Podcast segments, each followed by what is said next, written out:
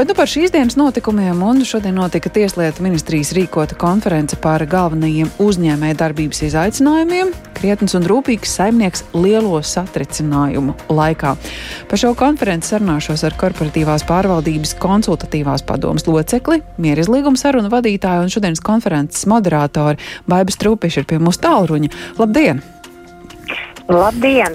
Jā, vispirms uh, gribu saprast, kādēļ konferenci par uzņēmēju darbību rīko Tieslietu ministrija. Nu, šķiet, tas ir vairāk ekonomikas ministrijas darba lauks. Hm. Nu, jā, īstenībā jautājums vietā, jo savulaik, tā kā komerc likumu pieņēma, tiešām ekonomikas ministrija bija virzošā ministrija, bet šobrīd uh, komerc likuma tālākā attīstība ir nodota tieslietu ministrijas rokās nu jau 15 gadus aptuveni. Un, uh, un tāpēc arī Tieslietu ministrija, kā savu rūpju bērnu, lolo auklē komerc likumu un rīkoja šo 20 gadu jubilejas konferenci.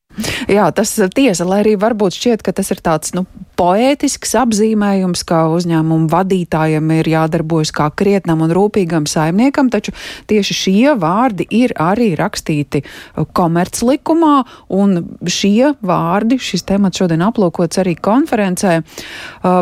Kā vadītāju darbu tieši šos pienākumus būt krietnam saimniekam ir ietekmējuši pēdējie pāris gadi, kur mēs zinām pandēmija, gada sākumā vēl arī Krievijas iebrukums Ukrainā? Jā, jums taisnība. Šie vārdi krietnes un rūpīgs saimnieks liekas, tas jau kaut kas tāds ļoti gaisīgs, vai ne?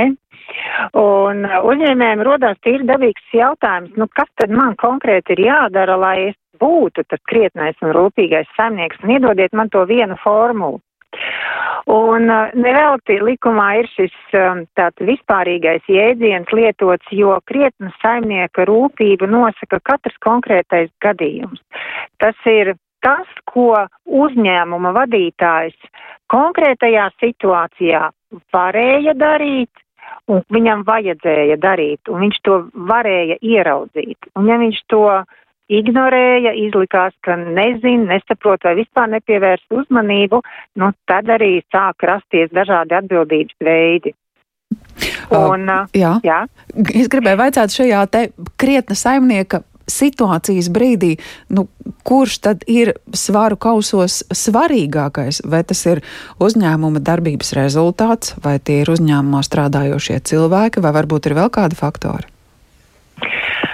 Jā, jo redz, nu, Mūsdienās mēs jau runājam par to, ka uzņēmuma valde un arī padomi darbojās sabiedrības sabiedrības interesēs, nu, akciju sabiedrības vai sabiedrības ar ierobežotu atbildību interesēs. Un, uh, un šīs te intereses mēs definējam nevis tikai kā pēļņu, bet to jau mūsdienās sāk definēt arī ar to, uh, kas ir nepieciešams klientiem, kas, kādas ir darbinieku intereses, kas notiek ar sadarbības partneriem vai, piemēram, apkaimes iedzīvotājiem. Jā, un līdz ar to uh, peļņa ir tikai viens no aspektiem, ko labā korporatīvā pārvaldībā uzņēmums ņem vērā. Un te ir ļoti svarīgi, kā uzņēmums pats sev nodefinē to uh, krietna un rūpīga saimnieka latiņu. Jā.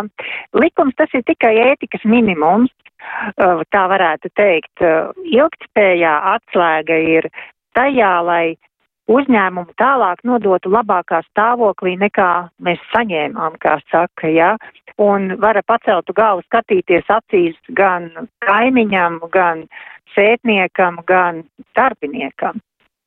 Nu jā, turklāt šim gādīgajam, rūpīgajam saimniekam ir jābūt ne tikai privātos uzņēmumos, līdzīgi darbības principi par pamatu ir liekami, ja runājam arī par, par valsts sektoru, valsts uzņēmumiem.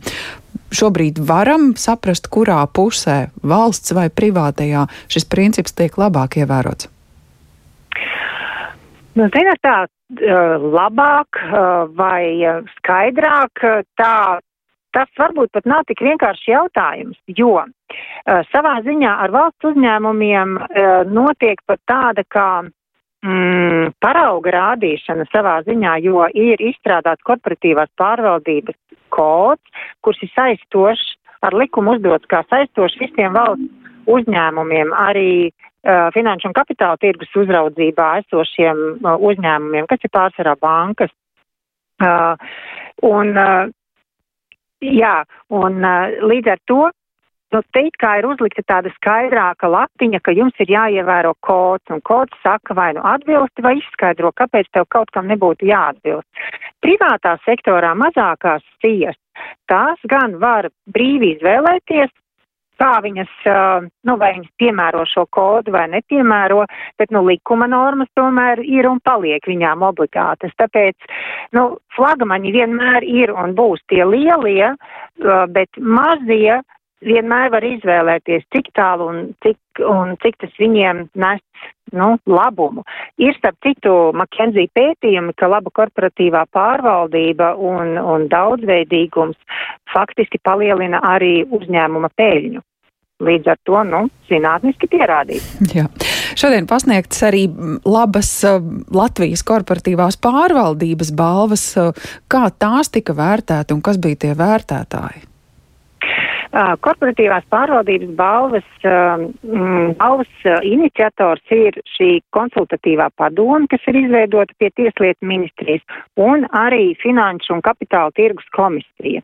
Tas ir atvērts konkurss, kurā var jebkurš uzņēmums pieteikt savu, um, savu uzņēmumu kādā no konkrētajā gadā izsludinātajām kategorijām, un tiem nebūtu nav jābūt lieliem uzņēmumiem, tie var būt arī mazie, un mēs tiešām aicinām uh, visus Latvijas uzņēmējus painteresēties.